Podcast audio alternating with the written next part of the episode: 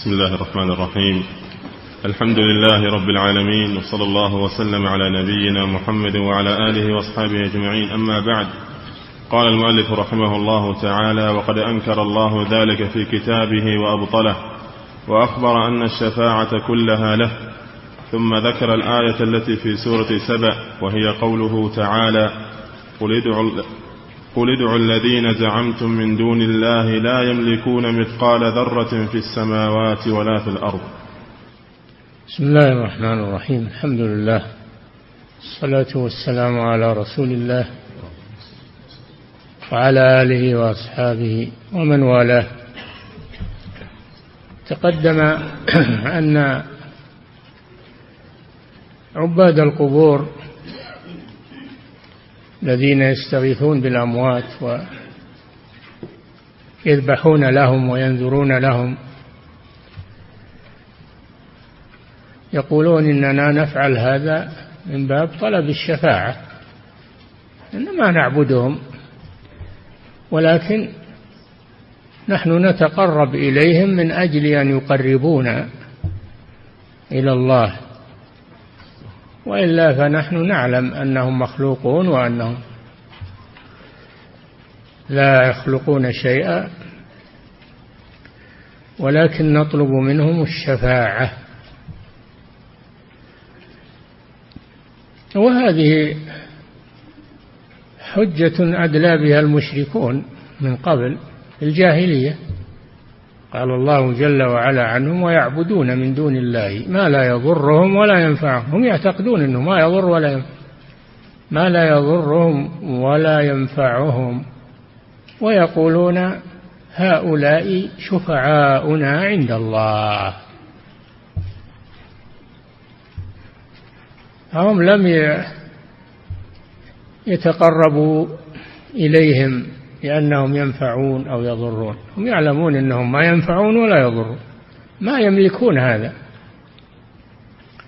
وإنما لأنهم صالحون وهم يشفعون لهم عند الله. فنقول الشفاعة حق. أثبتها الله سبحانه وتعالى ولكن لها شروط. الشرط الأول أن تكون بإذن الله. والله لم يأذن. الله لم يأذن بعبادة الأموات تقرب إليهم ليشفعوا.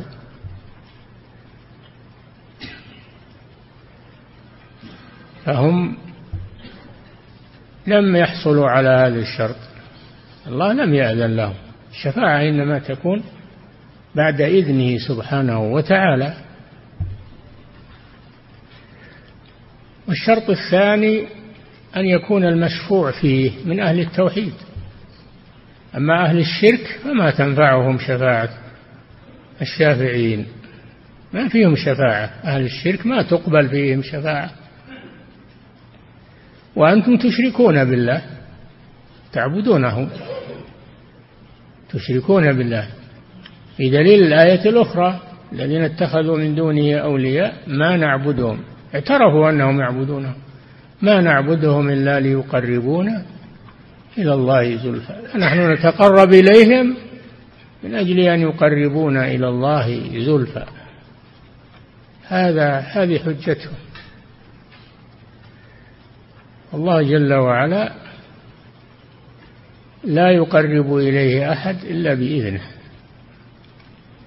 وبشرط أن يكون المشفوع فيه من أهل التوحيد. لكن عنده ذنوب استحق بها دخول النار أو دخل النار فيخرج منها بالشفاعة. وأنتم ليس عندكم من الشرطين شيء. الله لم يأذن. وأنتم مشركون والمشرك ما تنفع فيه الشفاعة. لا علاقة لهم بهذا. ثم ذكر ابن القيم هو لا زال الإمام الشوكاني ينقل عن ابن القيم في مدارج السالكين ثم ذكر الآية ذكر الآية قل ادعوا الذين زعمتم من دون الله قل ادعوا هذا تحدي تحدي منهم تحداهم أن يدعوا الأموات والأموات يجيبونهم. ما يجيبونهم؟ قل ادعوا الذين زعمتم من دون الله لا يملكون مثقال ذرة في السماوات ولا في الأرض وما لهم فيهما من شرك وما له منهم من ظهير. ولا تنفع الشفاعة إلا بإذنه. هذا الشاهد من الآية ولا تنفع الشفاعة إلا بإذنه. والله لم يأذن لكم في هذا. آه، عبادتكم لها لهم باطلة. قال العلماء وهذه الآية هذه الآية الكريمة تقطع عروق الشرك. من أصلها.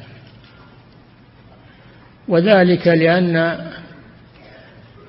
المطلوب منه المطلوب منه. إما أن يكون يملك ما يطلب منه. إما أن يكون يملك ما يطلب منه.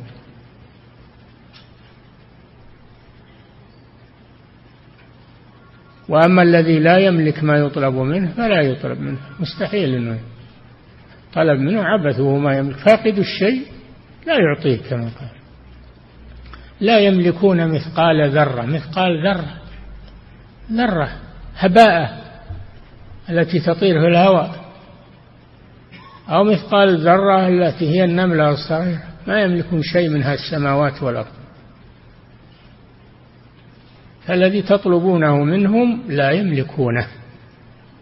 لا يملكون مثقال ذرة.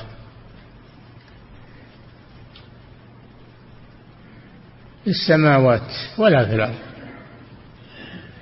وما لهم فيهما من شرك. الحالة الثانية أن يكون المطلوب منه. إذا لم يكن مالكا للمطلوب ربما يكون شريكا للمالك. شريكا للمالك. وهؤلاء ليسوا شركاء لله عز وجل. ليسوا شركاء لمن يملك السماوات والأرض. اذا بطلت المرتبة الثانية من التعلق على غير الله. لا يملكون مثقال ذرة في السماوات ولا في الأرض. وما لهم فيهما من شرك. هذه المرتبة الثانية. الحالة الثالثة أو المرتبة الثالثة إذا لم يكن مالكا للمطلوب ولا شريكا فيه فإنه على الأقل يكون محظيا عند من له الملك محظيا عنده ما أن يكون وزيرا أو ظهيرا يعينه. فيضطر المطلوب منه أنه يجيب الطلب لأنه بحاجة إلى هذا الظهير. حاجة إلى هذا الظهير والوزير والمقرب عنده. ولذلك يجيب طلبه لأنه يحتاج إليه. أبطل الله ذلك. وما له منهم من ظهير. كلا لتطلبونهم ما هو ليسوا ظهيرا لله ولا معينين لله ولا ولا لهم منزلة عند الله تؤثر فيه كما عند الملوك. هم عبيده. ولا ولا يتقدمون عنده بشيء. لأنهم ليسوا وزراء له ولا معينين له. إذا بطلت المرتبة الثالثة. بقيت الشفاعة إذا لم يكن مالكا ولا شريكا ولا ظهيرا للمالك بقيت الشفاعة يشفع عنده. الشفاعة ما تصلح إلا بشروط. وهذا الذي أنتم عليه ليس فيه هذه الشروط ولا تنفع الشفاعة عنده إلا بإذنه. والله لم يأذن لهؤلاء بالشفاعة لكم. لا يأذن بالشفاعة لكم لأنكم على الشرك. والمشرك لا تقبل فيه شفاعة. إذا انقطعت كل الشبهات التي يتعلقون بها في آية واحدة. قل ادعوا الذين زعمتم. زعمتم. زعم زعم من عندهم. ما ما الفصل هذا. الذين زعمتم من دونه لا يملكون ولا يشاركون ولا يظاهرون المالك. والمالك لم يأذن لهم أن يشفعوا. إذا ما بقي وجه لطلبهم. فهذا هذه الآية كما ترون أبطلت الشرك من أصوله. نعم. ثم ذكر الآية التي في سورة سبأ وهي قوله تعالى قل ادعوا الذين زعمتم من دون الله لا يملكون مثقال ذرة في السماوات ولا في الأرض. وتكلم عليها ثم قال تكلم عليها ابن القيم يعني بهذا الكلام الذي ذكرت ملخصه لكم. نعم. ثم قال والقرآن مملوء من أمثالها. ثم قال ابن القيم والقرآن مملوء من أمثال هذه الآية من الآيات التي ترد شبهات المشركين. نعم. ولكن أكثر الناس لا يشعرون بدخول الواقع تحته. نعم ولكن أكثر الناس يقرؤون القرآن ولا يطبقونه على على الواقع وإنما يظنون أنه لأناس مضوا وأمة خلت ولا يطبقونه على الواقع حتى يعرفوا الحكم. أكثر الناس كذا يقرأ القرآن للبركة ولطلب الأجر أو لتحسين التلاوة أو ما أشبه ذلك أو للرقية فقط لكنه لا لا ينظر, ينظر إلى أن هذا القرآن يخاطب الحاضرين يخاطب الحاضرين في. في, الحال والمستقبل القرآن صالح لكل زمان ومكان فلماذا لا تطبق هذه الآية على واقع القبوريين في كل زمان؟ نعم. ولكن أكثر الناس لا يشعرون بدخول الواقع تحته ويظنه في قوم قد خلوا ولم يعقبوا وارثا. ولم يعقبوا وارثا. يظن أن الآية أنها تحكي تاريخا سابقا ولا تعني ما عليه الناس في كل زمان ومكان. هذا هو الذي جعلهم لا ينتفعون بالقرآن. نعم. لأن القرآن يخاطب غيرهم. نعم. ويظنه في قوم قد خلوا ولم يعقبوا وارثا. نعم. وهذا هو الذي يحول بين القلب وبين فهم القرآن. نعم الغفلة.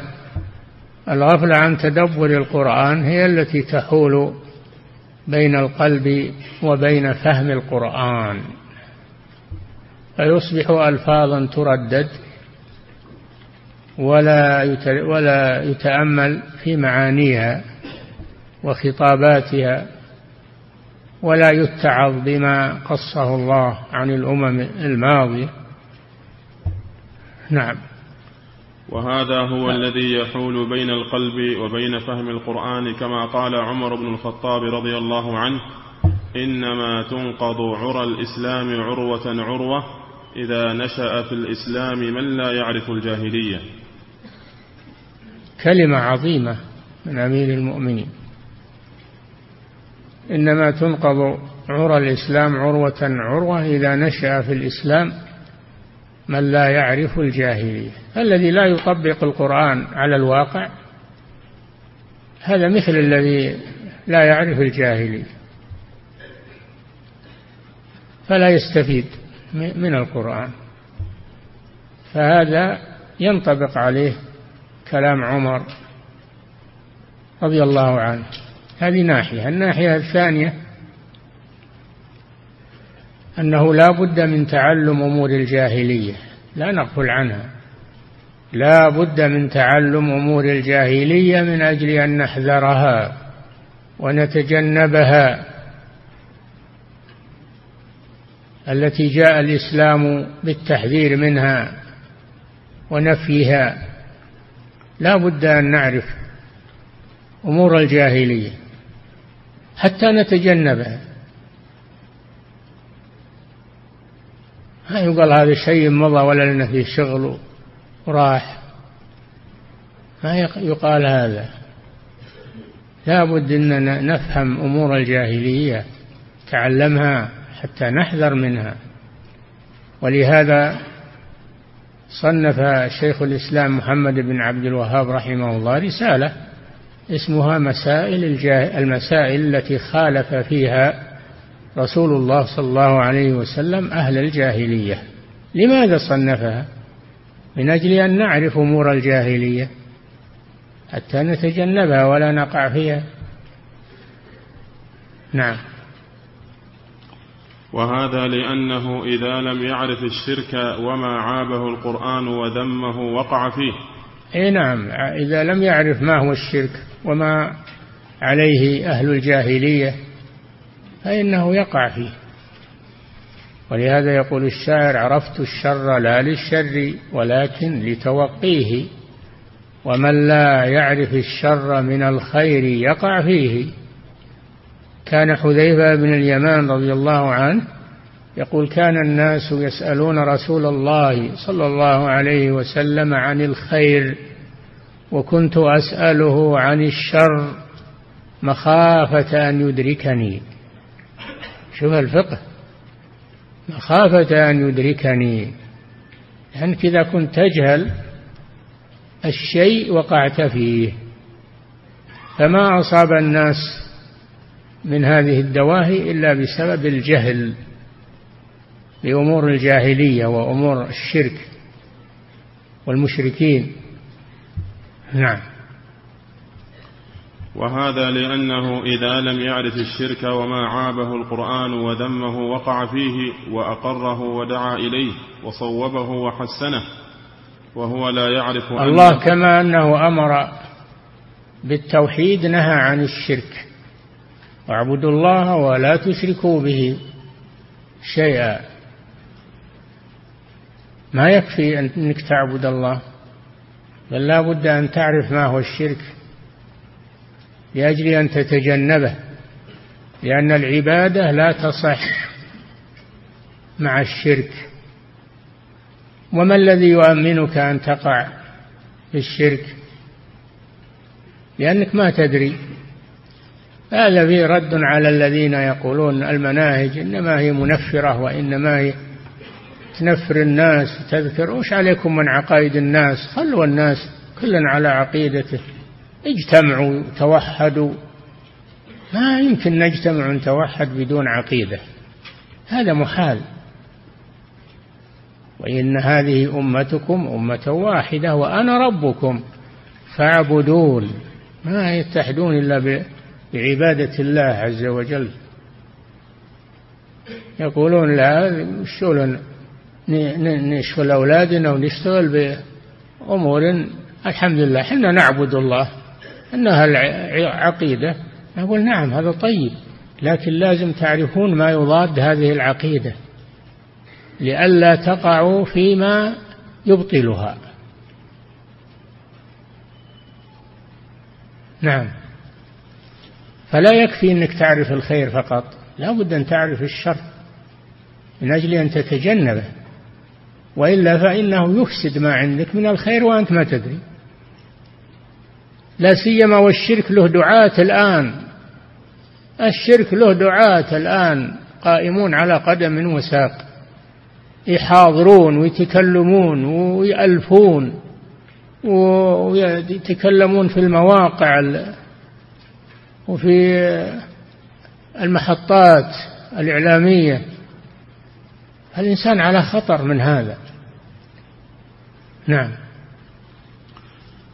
وهذا لأنه إذا لم يعرف الشرك وما عابه القرآن وذمه وقع فيه وأقره ودعا إليه وصوره. نعم صار معتاد. إذا لم يعرفه صار معتاد. عنده شيء شيء عادي ما يستنكره ولا يأنف منه. نعم.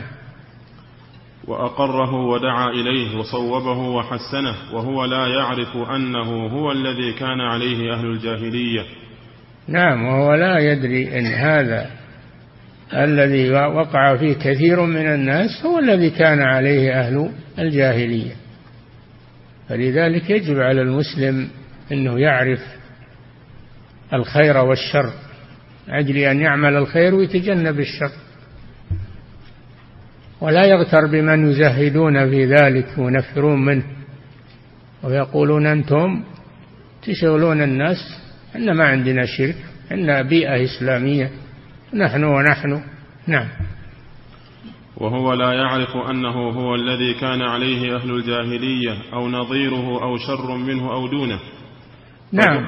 أما أنه يكون نفس اللي تعمله الجاهلية أو نظير شبيه لما تفعله الجاهلية. نعم.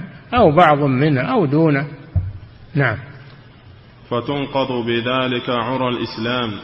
كما قال عمر رضي الله عنه. تنقض بالجهل في أمور الجاهلية عرى الإسلام عروة عروة. نعم. فتنقض بذلك عرى الإسلام ويعود المعروف منكرا والمنكر معروفا. أي نعم لأن هذه الشركيات إذا كثر وقوعها وكثر أهلها صارت هي المعروف صار التوحيد هو المنكر. ولذلك الذي يدعو إلى التوحيد هذا يعتبر مبتدعا ويعتبر خارجيا ويعتبر ويعتبر. نعم. فتنقض بذلك عرى الإسلام ويعود المعروف منكرا والمنكر معروفا والبدعة سنة والسنة بدعة. نعم بسبب التغافل عن عن الشر وعدم فهمه ومعرفته. نعم. يصير ما عليه الناس هو السنة. وما يدعو إليه أهل التوحيد هو البدعة. ولا أنت مبتدع. تخالف الناس أنت. أنت تريد أن تعاكس الناس. فيقولون من هذا الكلام. تصير أنت الشاذ. تصير أنت الشاذ بينهم وأنت الخارجي وأنت وأنت. نعم وأنت المتشدد. وأنت اللي تقصي الناس. أنت وصي على الناس. ولو كذا أنت ما لك وصاية على الناس. وأنت تقصي الناس وتبعد وتقول فلان كذا ولا. أنا ما أنا بقصيهم ولا أنا. أنا أعلمهم تعليم. بلغهم الخير. ما هو بهذا إقصاء. الإقصاء الذي يتركهم على الشر هذا هو اللي يقصيهم. أما اللي يعلمهم الخير ويحذرهم من الشر فهذا يدنيهم ولا يقصيهم. نعم. والعيصى نعم الله أوصانا بهذا. الله أوصانا أن ندعو إليه وأن نبين الحق ونرد على الباطل.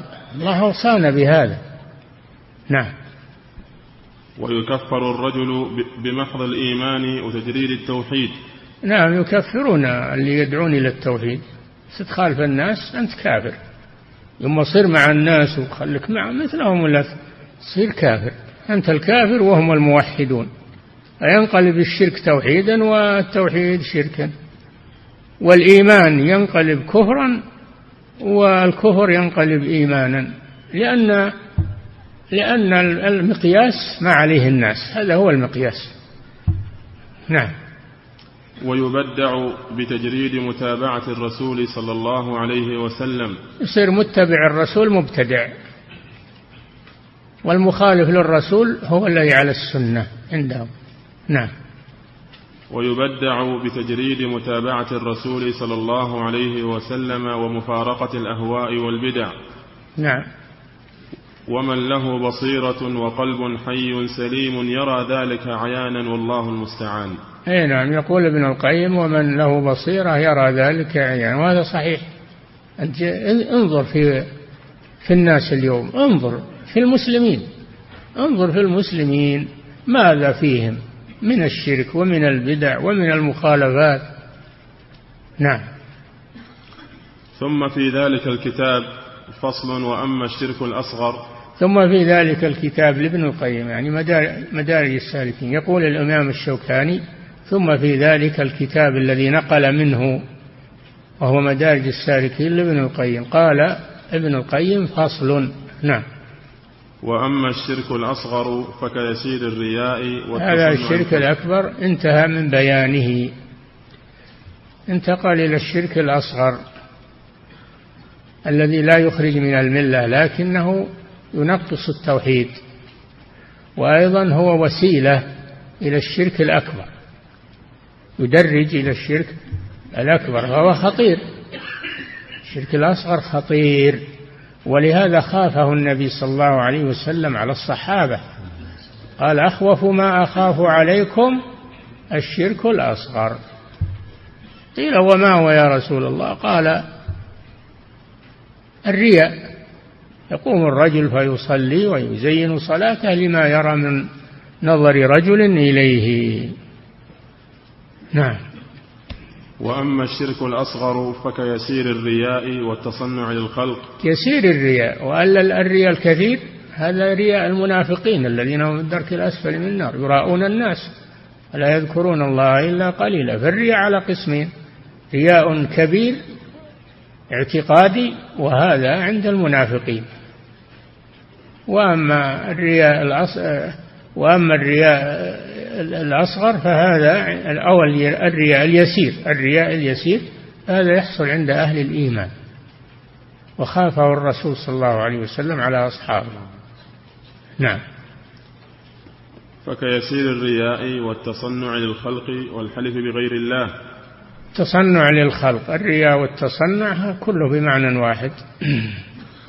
مراءاة الناس بالأعمال وإرادة المدح والثناء وغير ذلك. ومن أنواع الشرك الأصغر الحلف بغير الله. الحلف بغير الله فهو شرك. قال صلى الله عليه وسلم من حلف بغير الله فقد كفر أو أشرك. قال صلى الله عليه وسلم لا تحلفوا بآبائكم من كان حالفا فليحلف بالله أو ليصمت. لا يجوز الحلف بالنبي ولا الحلف بالولي ولا الحلف بالكعبة ولا الحلف بأي مخلوق. ما يجوز الحلف بالمخلوق أبدا وهو شرك. لكنه شرك أصغر وقد يتعاظم ويصل إلى الشرك الأكبر. نعم. والحلف بغير الله كما ثبت عن النبي صلى الله عليه وسلم أنه قال من حلف بغير الله فقد أشرك بالله. نعم. وقول الرجل للرجل ما شاء الله وشئت. ومن الشرك الأصغر أن يجمع بين الله وبين المخلوق بالواو. يعطف المخلوق على الله بالواو. يقول لولا الله وأنت. ما لي إلا الله وأنت. ما شاء الله وشئت. لأن الواو تقتضي الجمع تقتضي الجمع والمشاركة. تقول جاء فلان وفلان يعني اشتركوا في المجيء. فأنت جعلت المخلوق شريكا للخالق في الفعل. هذا شرك شرك أصغر في الألفاظ. هذا يسمى الشرك في الألفاظ. وأما الرياء هو الشرك الأصغر في النيات في القلوب. النيات خفي ولذلك سماه النبي صلى الله عليه وسلم الشرك الخفي لأنه في القلوب. الشرك الأصغر على قسمين. شرك على اللسان وهو ظاهر مثل الحلف بغير الله مثل لولا الله وأنت ما لي إلا الله إلى آخره. وشرك خفي وهو ما يكون في القلوب. وهو أخفى من دبيب النملة السوداء على صفات سوداء في ظلمة الليل. نعم. وقول الرجل وقول الرجل للرجل ما شاء الله وشئت هذا من الله ومنك وأنا بالله وبك وما لي إلا الله وأنت. يعني كل العطف بالواو على الله من الشرك لأنه جمع بين الله وبين المخلوق. لأن الواو تقتضي المشاركة في هذه الألفاظ وغيرها. والصواب أن تقول ما شاء الله ثم شئت. ثم تجعل مشيئة المخلوق بعد مشيئة الله. لأن ثم للترتيب. ما شاء الله ثم شئت. ما لي إلا الله ثم أنت. ثم. ثم أنت. لولا الله ثم أنت بثم لأنها تأتي للترتيب والتعقيب فتجعل المخلوق بعد الخالق سبحانه وتعالى ولا تجعله مشاركا له. نعم. وأنا متوكل على الله وعليك ولو واجب تقول أنا متوكل على الله لأن توكل عبادة فلا تتوكل على أحد لا تتوكل إلا على الله. نعم. ولولا أنت لم يكن كذا وكذا. لولا أنت يعني هالمرة ما حتى ما جاب ذكر الله عز وجل. لولا أنت ما حصل كذا هذا ما يجوز. تقول لولا الله ثم أنت. لولا الله ثم أنت. نعم. وقد يكون هذا شركا أكبر بحسب حال قائله ومقصده. قد يترقى الشرك الأصغر إلى الشرك الأكبر بحسب نية القائل. إذا كان يعظم المخلوق مثل ما يعظم الله هذا شرك أكبر. ولذلك يقولون إن القبوريين يحلفون بالله وهم كاذبون ولكن لا يحلفون بالقبور والأموات إلا وهم صادقون يخافون من الميت أن يصيبهم. ولهذا لو توجهت عليه يمين فقيل له احلف بالله حلف على طول. إذا قيل له احلف بالولي انتفض وتلكى لأنه يعني يخاف من الولي أنه آه أنه يعاقبه. فإذا وصل إلى الحد هذا شرك أكبر. شرك أكبر. نعم. ثم قال ابن القيم رحمه الله تعالى في ذلك الكتاب بعد فراغه من ذكر من في ذلك الكتاب اللي هو مدارج السالكين. نعم. بعد فراغه من ذكر الشرك الأكبر والأصغر والتعريف لهما ومن أنواع الشرك سجود المريد للشيخ. نعم. آه جاء للواقع. جاء للواقع. يعني الشرك هذا بنوعه ما هو شيء مضى وانتهى. هذا موجود في الصوفية أنهم يسجدون لمشايخهم يسجدون لهم. والسجود لا يكون إلا لله عز وجل لكن لتعظيمهم إياهم يسجدون بين أيديهم. نعم. ومن أنواعه التوبة للشيخ فإنها شرك عظيم. نعم. ومن أنواعه التوبة للشيخ. التوبة للشيخ. لا يتوب إلى الله. بعضهم إذا أخطأ بعض القو... بعض الصوفية إذا أخطأ ما يتوب إلى الله. يتوب إلى الشيخ. يروح للشيخ ويتوب إليه. وإلا الشيخ يعذبه ويضره بزعمه. الشيخ يضره ويعذبه بزعمه. نعم. ومن أنواعه النذر لغير الله. ومن؟ ومن أنواعه النذر لغير الله. من أنواع الشرك؟ آه، من أنواع الشرك النذر لغير الله لأن النذر عبادة. فلا يجوز أن ينذر إلا لله. فمن نذر للقبر أو للولي فقد أشرك بالله عز وجل. نعم. ومن أنواعه النذر لغير الله والتوكل على غير الله. نعم وعلى الله فتوكلوا. التوكل لا يكون إلا على الله وعلى الله شوف على الله فتوكل. هذا حصر. تقديم المعمول على العامل يفيد الحصر. وعلى الله فتوكلوا. إن كنتم مؤمنين. نعم. والعمل لغير الله. والعمل أيا كان لغير الله. العمل العبادة يعني. العبادة لأجل المخلوق. إنه ينفعك أو يضرك أو نعم. والإنابة والخضوع والذل لغير الله. كما سبق أنهم يتوبون إلى مشايخهم ولا يتوبون إلى الله. وينيبون إليهم ولا ينيبون إلى الله. ويستغفرونهم ولا يستغفرون الله. بلغ بهم الأمر إلى هذا الحد. نعم. والإنابة والخضوع والذل لغير الله وابتغاء الرزق من عند غير الله. نعم يعلقون آمالهم على على المخلوقين. أنهم ينقذونهم من المكاره وأنهم يجلبون لهم المنافع وأنهم وأنهم شيخ شيخ الفلاني. إذا صار في البلد ضريح ولا قبر يقولون أهل البلد كلهم عند هذا الشيخ. حتى إنهم قالوا أهل الطائف يكفيهم ابن عباس. وقبر ابن عباس في الطائف ونكفي أهل الطائف. ما يحتاجون إلى الله. نعم.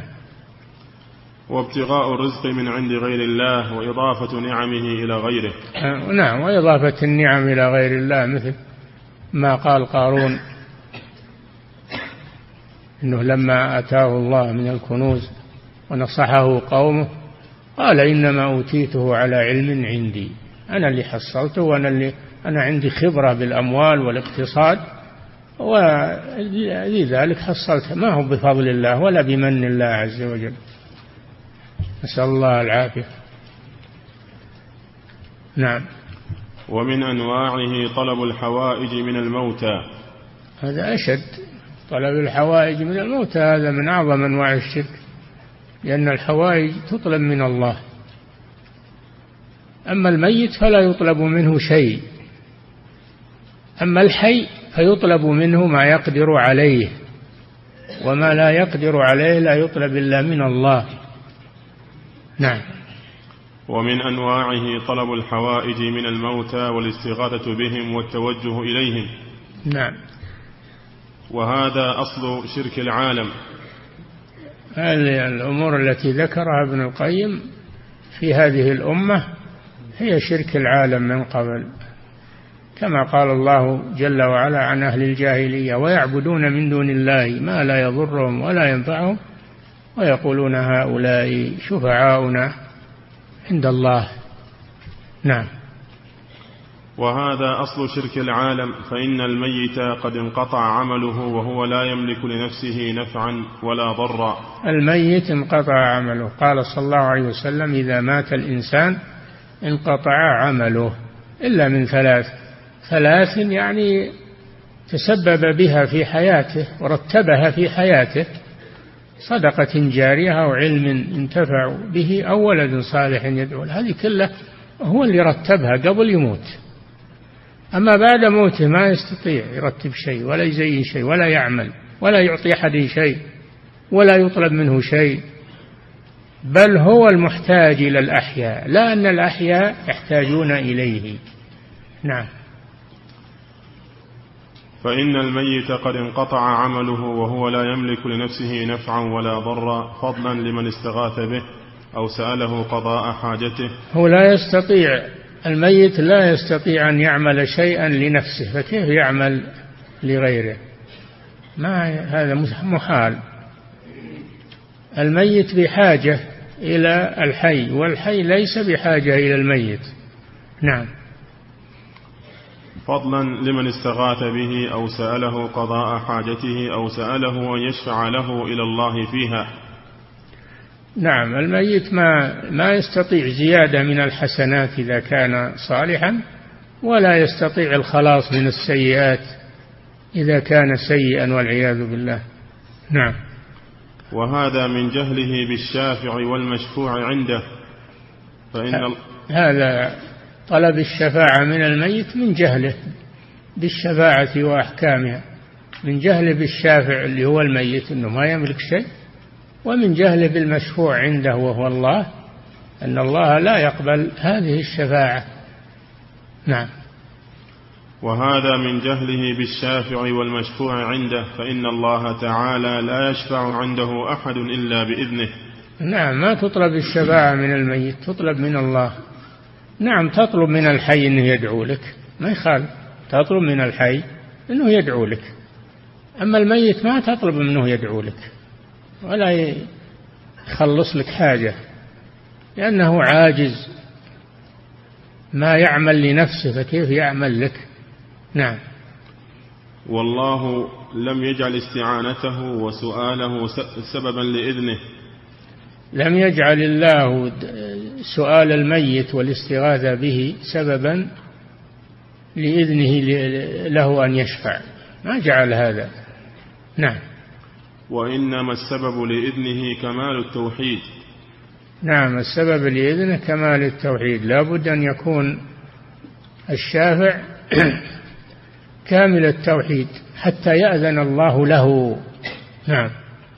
فجاء هذا المشرك بسبب يمنع الإذن وهو بمنزلة من استعان في حاجته بما يمنع حصولها.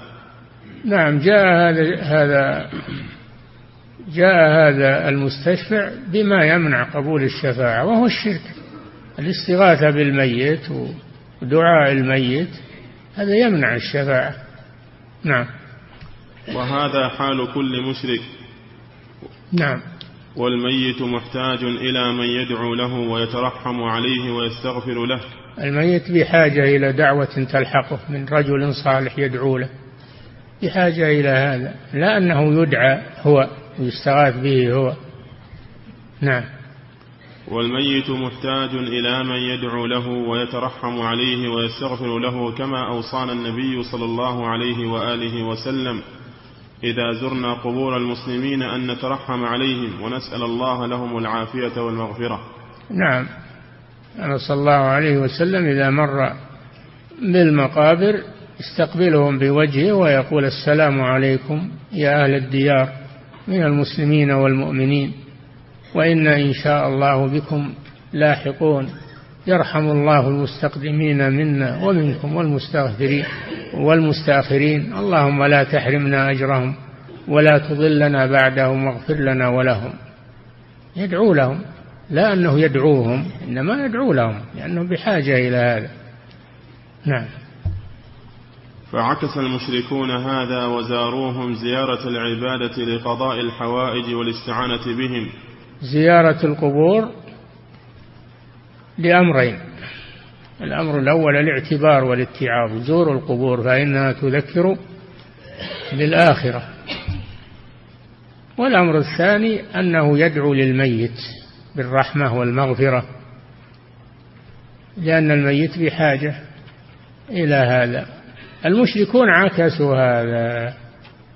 فجعلوا الزيارة الشركية بدل الزيارة الشرعية. فصاروا يزورون القبور للتبرك بها والاستغاثة بالأموات. طلب قضاء الحوائج من الأموات. هذا عكس الزيارة الشرعية. هذه زيارة شركية وليست زيارة شرعية. نعم. فعكس المشركون هذا وزاروهم زيارة العبادة لقضاء الحوائج والاستعانة بهم وجعلوا قبورهم أوثانا تعبد. نعم جعلوا قبورهم أوثانا تعبد من دون الله. وقد استعاذ النبي صلى الله عليه وسلم بربه فقال اللهم لا تجعل قبري وثنا يعبد. اشتد غضب الله على قوم اتخذوا قبور أنبيائهم مساجد. فإذا دعي الميت وتبرك به ورجي أنه ينفع أو يضر فقد صار وثنا. وإن كان قبر نبي أو رجل صالح له قبر نبي. إذا اعتقد في هذا الاعتقاد صار وثنا والعياذ بالله. لأن الوثن هو ما عبد من دون الله عز وجل من قبر أو شجر أو حجر. نعم. وجعلوا قبورهم أوثانا تعبد وسموا قصدها حجا واتخذوا سموا قصدها حج. الشيعة الآن يسمون زيارة النجف يسمونها الحج. يألفون مناسك مناسك الحج عندهم. الله هنا بيت الله عز وجل الذي يزار لعبادة الله ودعائه. يزورون قبور أئمة أهل البيت يزورونها. ويحجونها في في وقت معين يأتون إليها مثل ما يذهب المسلمون إلى مكة. هل بعد هذا الشرك شرك؟ نعم.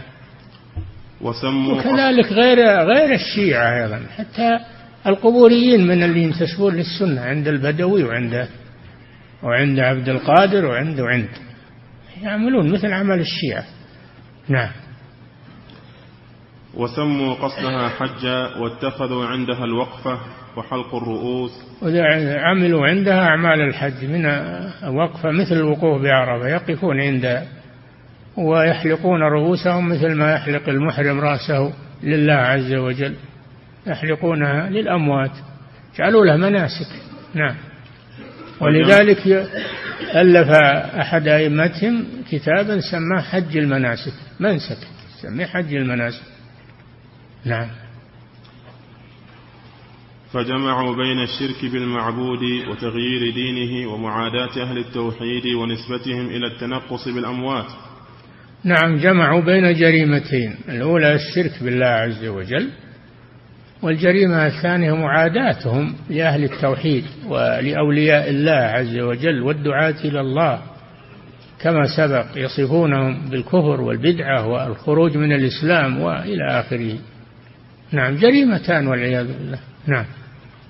وهم قد تنقصوا الخالق بالشرك وأولياؤهم. يقولون أنتم تنقصون الأولياء. إذا قلنا لهم الولي لا يملك شيء لا يملك لنفسه قالوا هذا تنقص للولي.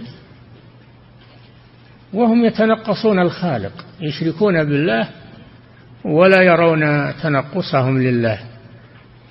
واللي واللي يقول إن الولي ما يملك شيء هو بحاجة إلى أنه يدعى له يقول لا هذا تنقص للولي. نعم. وهم قد تنقصوا الخالق بالشرك وأولياءه الموحدين المخلصين له الذين لم يشركوا به شيئا بذمهم ومعاداتهم. نعم تنقصوا الله بإشراكهم به وتنقصوا أولياء الله بذمهم وتلقيبهم بالبدع والخوارج وإلى آخره. أي جريمتان والعياذ بالله. نعم. وتنقصوا من أشركوا به غاية التنقص إذ ظنوا أنه وتنقصوا الأولياء اللي اللي يزعمون أنهم يعظمونهم. تعظيمهم إياهم وجعلهم إياهم فوق منزلتهم هذا تنقص. أنت لما تمدح شخص بما ليس فيه وتنزله فوق منزلته أليس هذا من باب التنقص والإستهزاء؟ بلى. الذي يجعل المخلوق والولي بمنزلة الله وأنه يملك الضر والنفع وأنه وأنه تنقصه في الحقيقة. ما ما مدحه وإنما تنقص لأنه نزله منزلة لا تليق به. نعم. وتنقصوا من أشركوا به غاية التنقص. شوف ثلاث تنقصات. تنقصوا الله أول شيء. تنقصوا عباد الله الصالحين هذا الثاني. الثالث تنقصوا من يعظمونهم بغير حق لأنهم نزلوهم في غير منزلتهم طلبوا منهم ما لا يملكون. نعم. وتنقصوا من أشركوا به غاية التنقص إذ ظنوا أنهم راضون منهم بهذا. نعم وظنوا أنهم راضون بهذا. والذين آه، الأولياء والصالحون على الحقيقة ما رضوا بهذا. ماتوا وهم يجاهدون أهله ويحذرون منه فلما ماتوا عكفوا على قبولهم. هل علي بن أبي طالب رضي الله عنه يرضى بهذا؟ هل الحسين يرضى بهذا؟ حاشا وكلا. هل عبد القادر يرضى بهذا؟ فأولياء أولياء الله على الحقيقة ما يرضون بهذا. هل النبي يرضى بهذا؟ إذا أشركوا به مع الله مثل اللي أشركوا عيسى مع الله. هل عيسى يرضى بهذا بلى ما ما رضي بهذا. هو يجاهدهم على هذا وينهاهم عنه في حياته. أما الذي يرضى بهذا مات يرضى بهذا أو يدعو إلى عبادة قبره بعد موته هذا طاغوت. من دعا إلى عبادة نفسه أو رضي بعبادته من دون الله هذا طاغوت. نعم. وتنقصوا من أشركوا به غاية التنقص إذ ظنوا أنهم راضون منهم بهذا وأنهم أمروهم به وأنهم يوالونهم عليه. وهؤلاء قال الله يا عيسى ابن مريم يوم القيامة أنت قلت للناس اتخذوني وأمي إلهين من دون الله؟ قال سبحانك. نزه الله سبحانه. سبحانك ما يكون لي أن أقول ما ليس لي بحق. إن كنت قلته فقد علمته. تعلم ما في نفسي ولا أعلم ما في نفسك. إنك أنت علام الغيوب. ما قلت لهم إلا ما أمرتني به. أن اعبدوا الله ربي وربكم. وكنت عليهم شهيدا ما دمت فيهم. فلما توفيتني كنت أنت الرقيب عليهم. وأنت على كل شيء شهيد. هذا ما يقوله عيسى عليه السلام يوم القيامة. إذا سأله الله أمام الخلائق وفضح النصارى الذين عبدوه من دون الله. نعم. وهؤلاء أعداء الرسل في كل زمان ومكان. الذين يعبدون القبور هم أعداء الرسل في كل زمان وفي كل مكان ما هو بس في الجاهلية حتى في الإسلام وحتى في آخر الزمان. نعم. وما أكثر المستجيبين لهم. وما أكثر من يستجيب لهم ويتأثر بهم. وما أكثر من يتنقص أهل التوحيد وأهل الدعوة إلى الله. هذا موجود. نعم.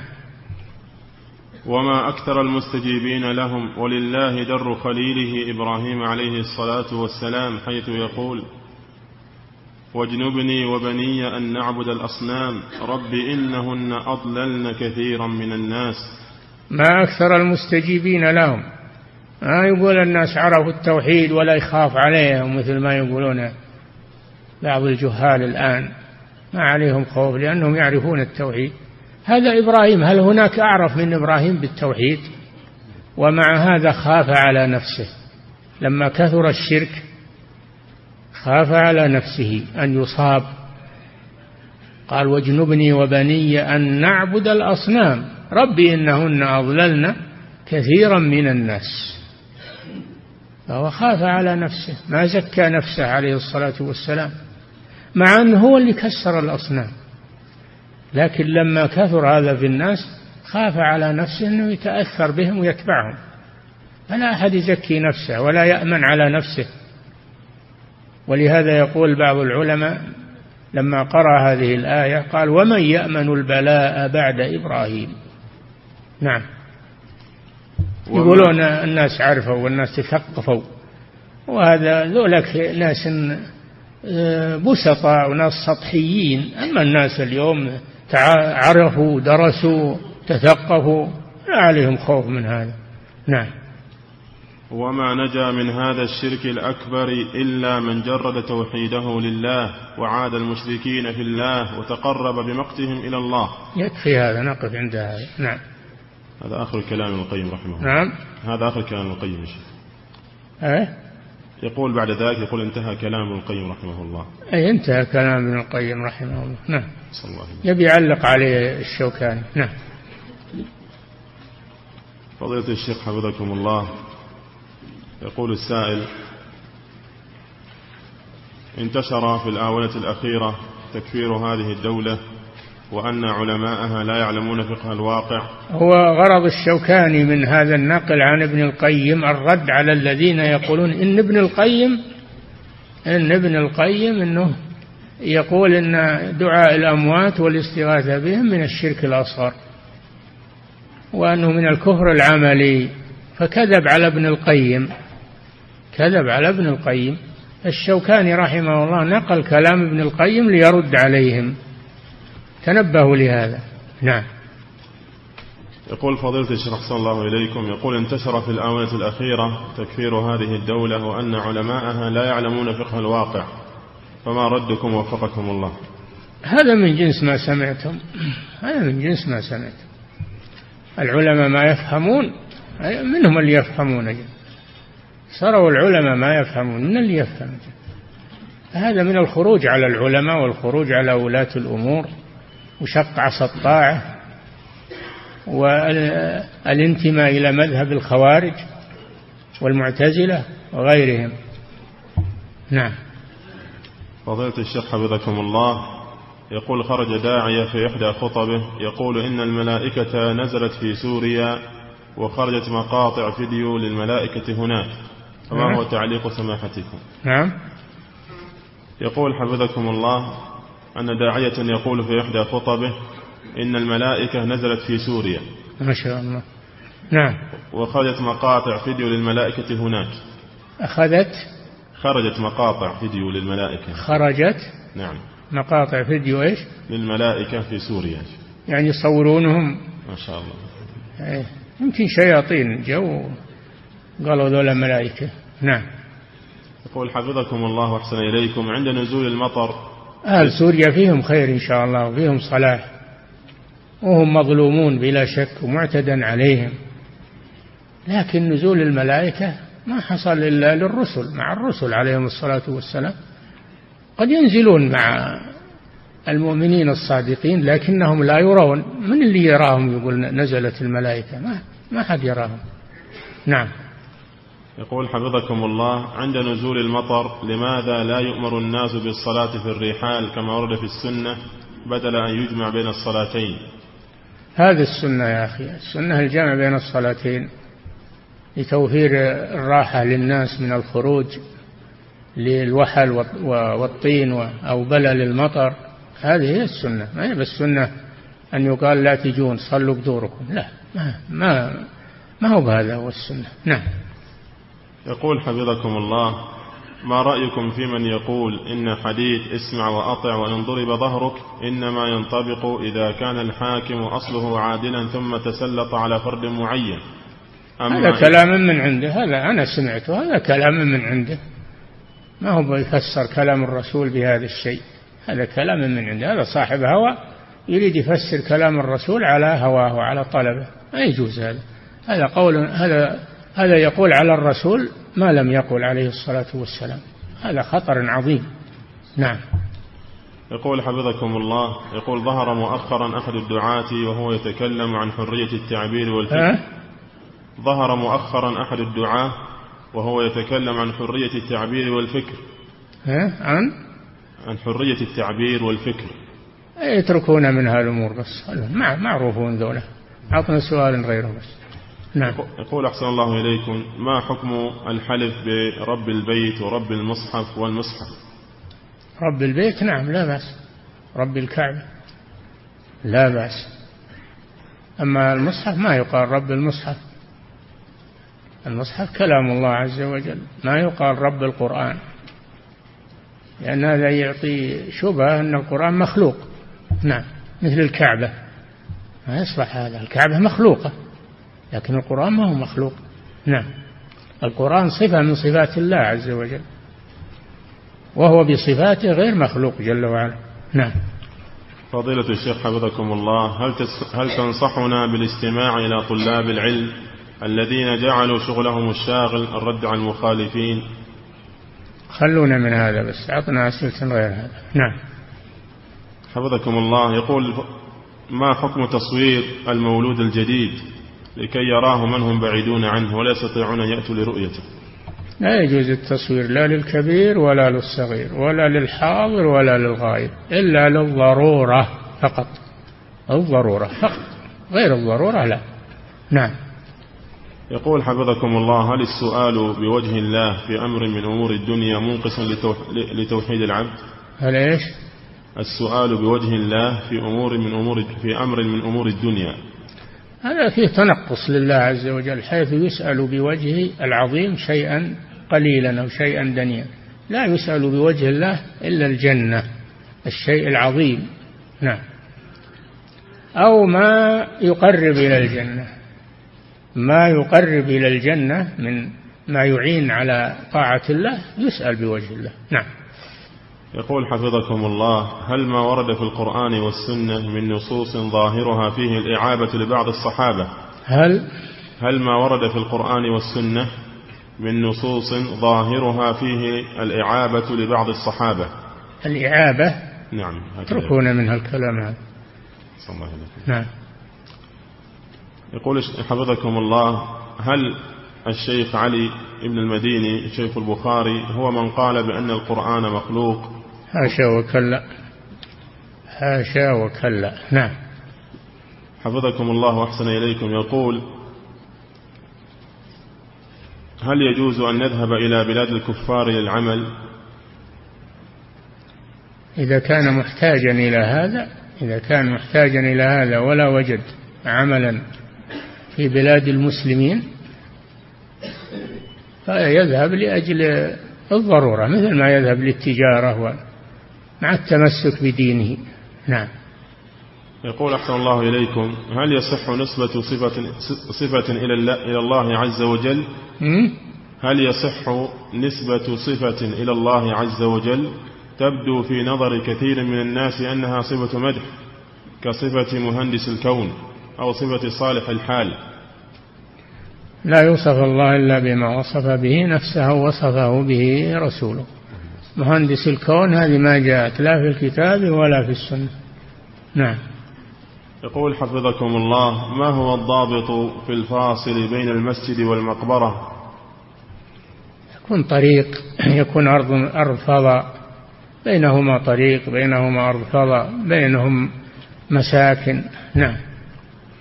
يقول حفظكم الله في قول الله جل وعلا إن الله لا يهدي من هو كاذب كفار. حكم الله تعالى عن المشركين بالكذب فما هو كذبهم هنا؟ نعم. حيث قالوا يقربون إلى الله زلفى هذا ما هو بكذب؟ هذا هو الكذب على الله. نعم.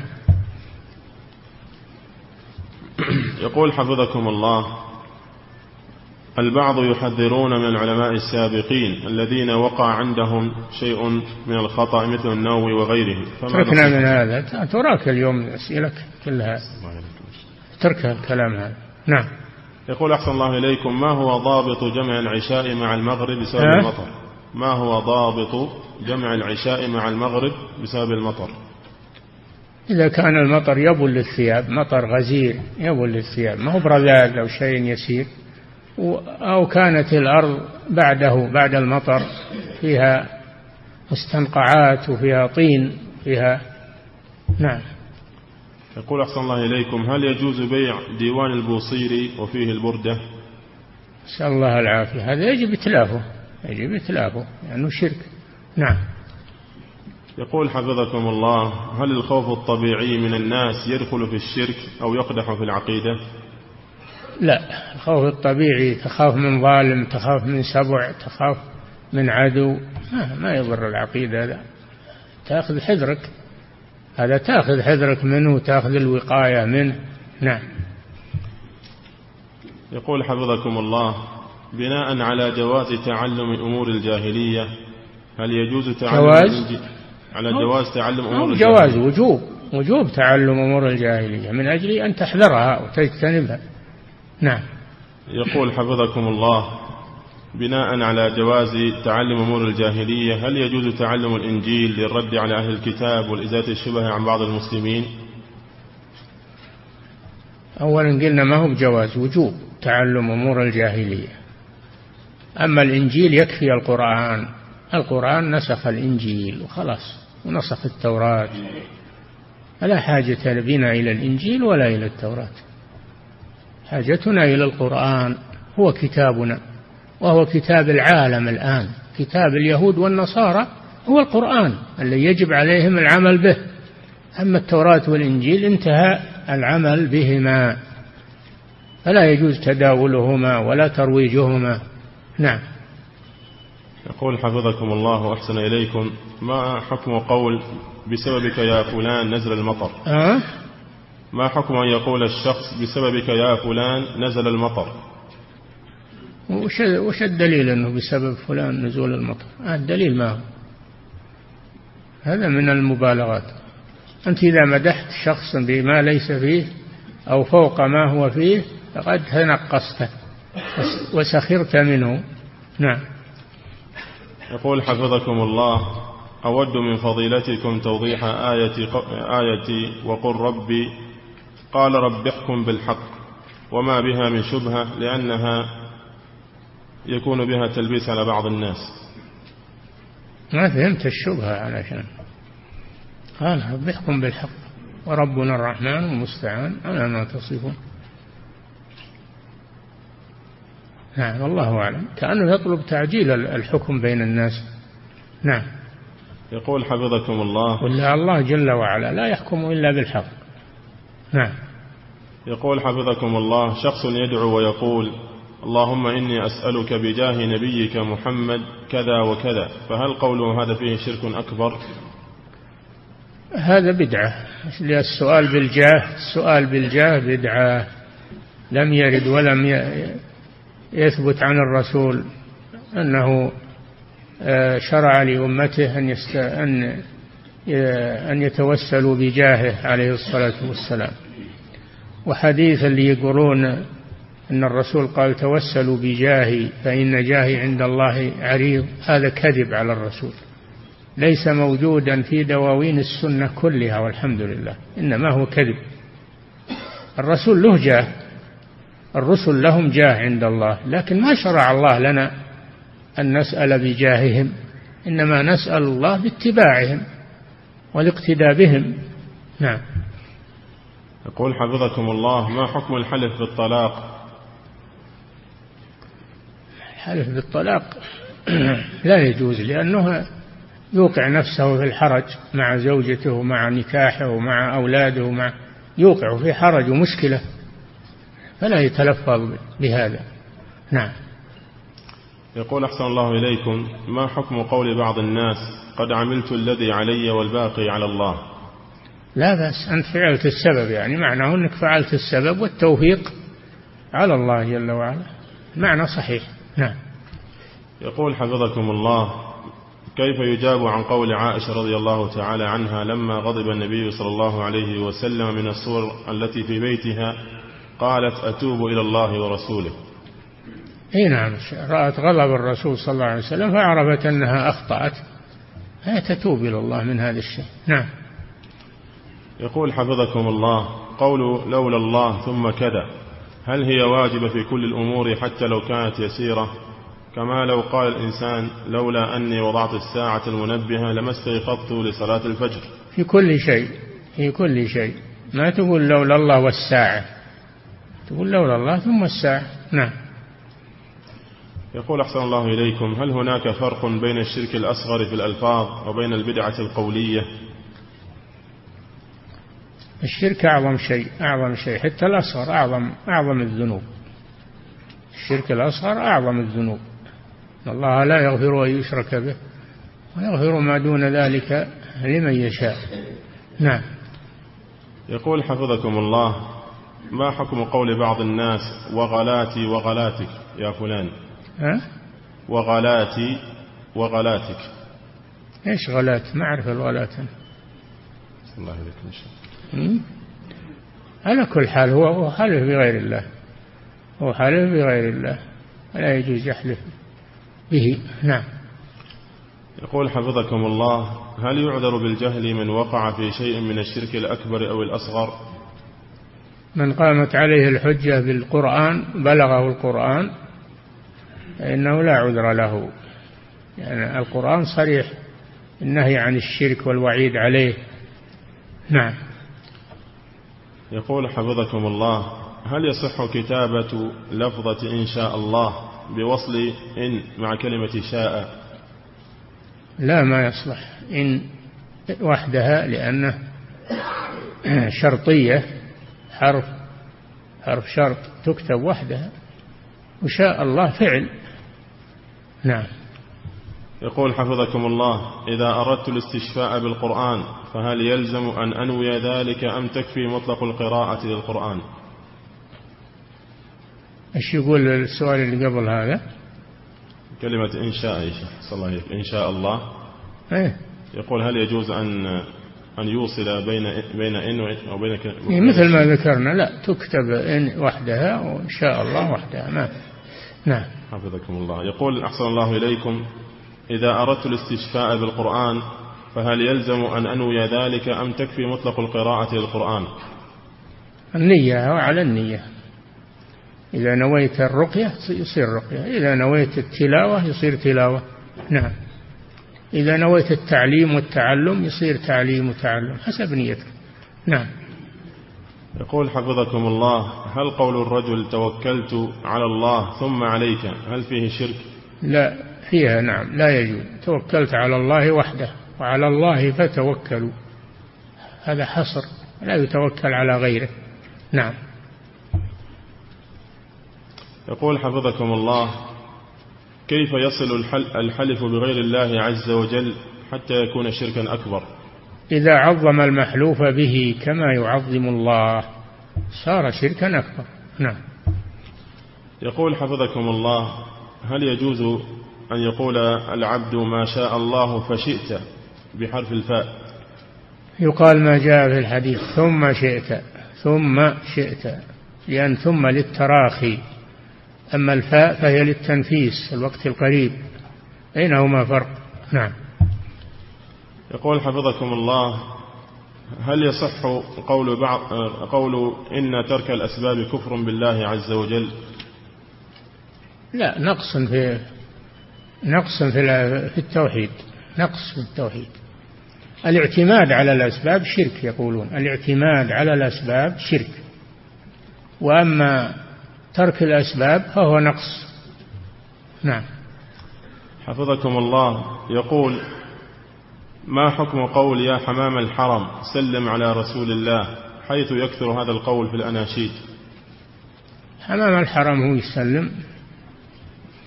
هذا من جهليات الشعراء. نعم. يقول حفظكم الله ماذا قصد المؤلف رحمه ولا الله؟ ولا يوصى حتى الإنسان ما يوصى قال سلم لي على رسول الله. سلم عليه أنت صل عليه في أي مكان. صلوا علي حيث كنتم فإن صلاتكم تبلغني. لست بحاجة إلى أن توصي أحد؟ نعم.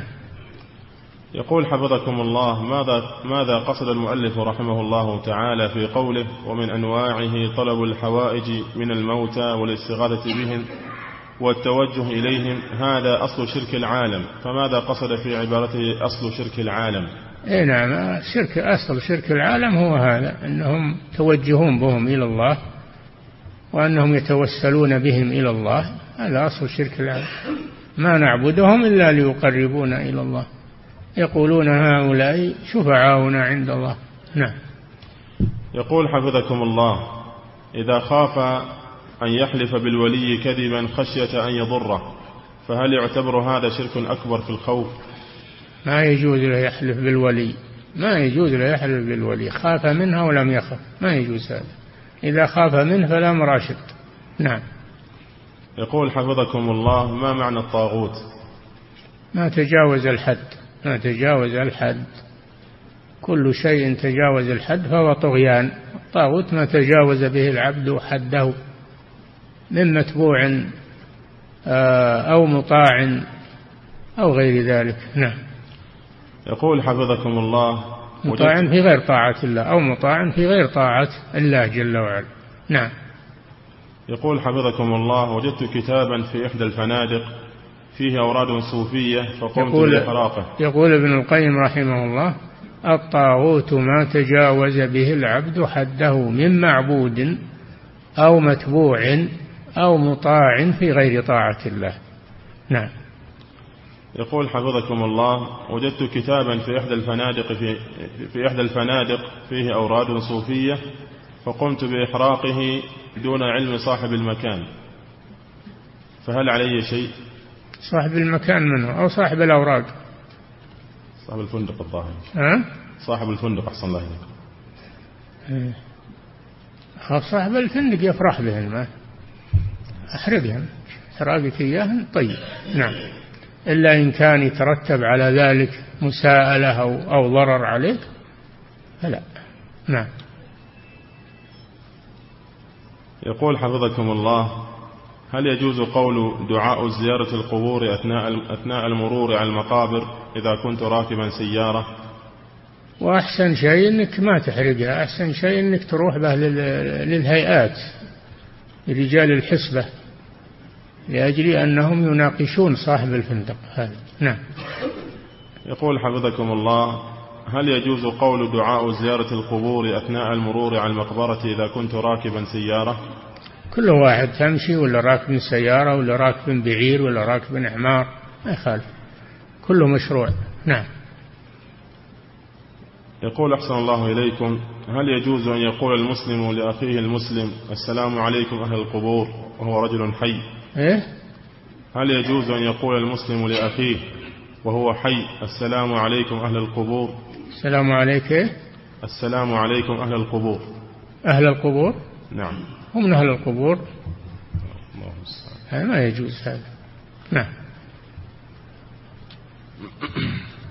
يقول حفظكم الله يقول صليت المغرب في مسجد بالأمس فلم يجمع إمام المسجد الذي صليت فيه. فلما خرجت من المسجد وجدت مسجدا آخر أقام صلاة العشاء فصليت معهم. فما رأيكم في فعل هذا؟ إن كان الوقت قريب ما يخالف. إذا كان الوقت قريب ما فات وقت طويل ما يخالف. أما إذا كان فات وقت طويل لأنه فات الجمع. إذا فات وقت طويل فات الجمع. نعم. يقول حفظكم الله مريض يوجد به كيس للبراز وكيس للبول يقول مريض يوجد به كيس للبراز وكيس للبول فماذا يفعل حتى يتوضأ؟ يوخر عنه الكيس البراز والبول لأجل أنه تبعد عنه النجاسة ثم يتوضأ ويصلي. نعم. يقول حفظكم الله رجل فقير مريض وعنده إلا إن كان إنه إن كان إنه محتاج لبقاء الكيس محتاج يتضرر إذا أزيل عنه يتوضأ على حسب حاله. الشكوى إلى الله. نعم. يقول حفظكم الله رجل فقير مريض وعنده تأمين صحي فهل له أن يتعالج بهذا التأمين؟ لا. هذه أموال الناس. هذه أموال الناس. لا يأخذها. يعالج على حسابه ولا يسأل الله الشفاء والعافية. نعم. انتهت الشخص الله تعالى أعلم وصلى الله وسلم على نبينا محمد وعلى آله وصحبه.